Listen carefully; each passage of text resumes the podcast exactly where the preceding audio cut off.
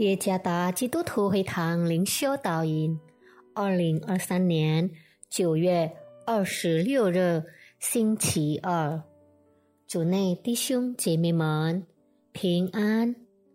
今天的灵修导引，我们会借着圣经《约翰福音》第五章十七节来思想今天的主题：服饰和呼召。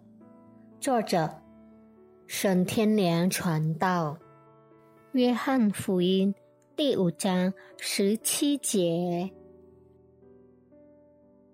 耶稣就对他们说：“我父做事直到如今，我也做事。” Sam 和 Carol 这对已婚夫妇已经不年轻了。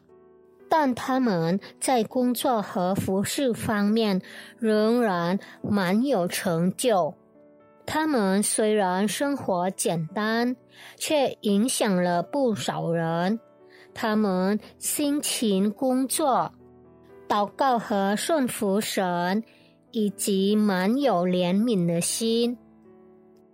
成为全国各地成千上万参与服饰的信徒们的激励和信仰的榜样。我和太太是受启发的群体中的一份子。学习那些努力栽培接班人的热情，让我想起。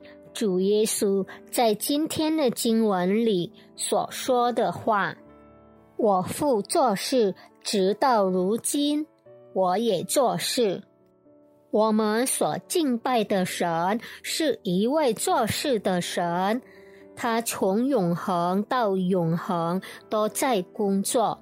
作为神的子民。我们被呼召成为神的童工，去管理、经营，并参与在地上神国度的伟大工程。作为神的教会，我们必须意识到，在神的国度里不会有没事干的人。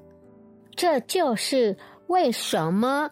趁着我们还有能力，神仍然给我们机会和力量的时候，我们必须努力奋斗，继续工作，继续做工，因为我们每个人都已被授权在世上生活和工作。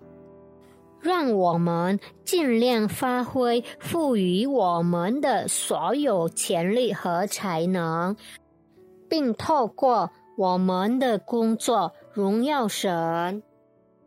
持续努力，永不放弃。愿上帝帮助我们。